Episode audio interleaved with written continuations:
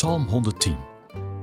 Dit zegt God tegen mijn Heer: Ga naast mij zitten, aan de rechterkant. Ik zal je vijanden diep voor jou laten buigen.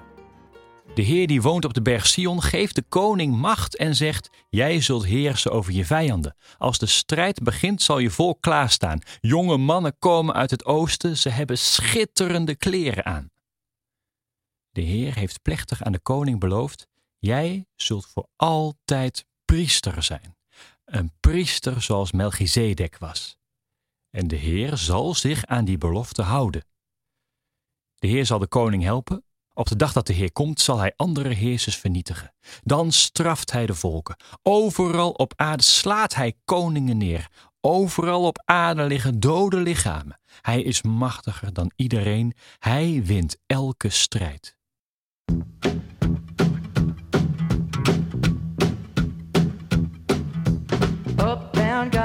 Hustlers, the Bowery got its bums.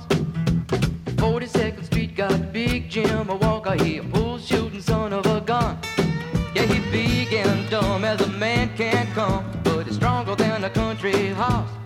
And when the bad folks all get together at night, you know. Deze psalm is een lied waarvan gezegd wordt dat het gezongen werd bij de inhuldiging van een koning. De Heer die woont op de berg Sion geeft de koning macht en zegt: Jij zult heersen over je vijanden.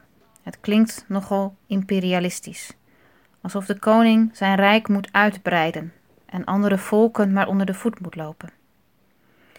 Het is een grillig en grimmig beeld dat verder geschetst wordt in deze psalm.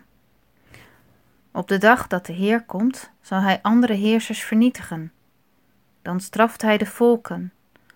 Overal op aarde liggen dode lichamen. Ik vind het maar een lastige tekst. Het klinkt zo veroordelend, afwijzend, gewelddadig. Wat moet je hier nu mee? Is dit het ideaal?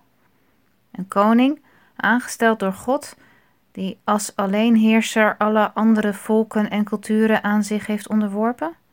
Is dat wat ermee bedoeld wordt? In de psalm spreekt iemand de koning toe met woorden van God. Ga naast mij zitten aan mijn rechterhand, en je zult voor altijd priester zijn. En vervolgens zoekt de spreker naar wat die woorden van God betekenen voor het koningschap. Wat zouden die woorden nu kunnen betekenen? De psalm komt op mij over als een schakelmoment tussen verleden en toekomst. De psalmdichter verbindt oude woorden met een visioen voor de toekomst, waarin een koningschap, zoals God dat voor ogen heeft, werkelijkheid wordt. In deze psalm lijkt het vooral te gaan over het hoe, over het proces van hoe dat koningschap terrein zal winnen. En het wordt duidelijk dat dat niet makkelijk is. Het gaat niet zonder slag of stoot. De maatschappelijke structuren die de een macht geeft ten koste van de ander, zullen niet zomaar losgelaten worden. Wat de psalmdichter niet of nauwelijks benoemt, is wat voor soort heerschappij, wat voor soort samenleving hij dan voor ogen heeft. Misschien ging de dichter er wel van uit dat mensen dat wel zouden weten. Huub Oosterhuis beschrijft in zijn bewerking van deze psalm dat ideaal wel.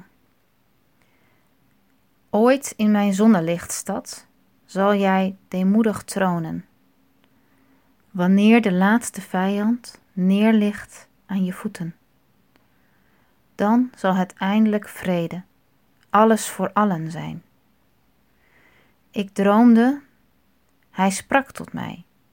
Ik was voor eeuwig geboren, om tot zegen te zijn. Blinden, doven, doden. Naar mijn idee maakt Oosterhuis hier expliciet wat in de psalm impliciet blijft. Misschien lees ik te veel tussen de regels door. Zie en hoor ik dingen die er niet staan. Maar de woorden waarmee deze psalm in de nieuwe Bijbelvertaling eindigt, geven me hoop. Hij drinkt onderweg uit de beek en dan heft hij zijn hoofd. De woorden wekken bij mij de hoop dat het in deze psalm uiteindelijk niet gaat om het geweld en de macht, maar om iets anders. Wat denk jij?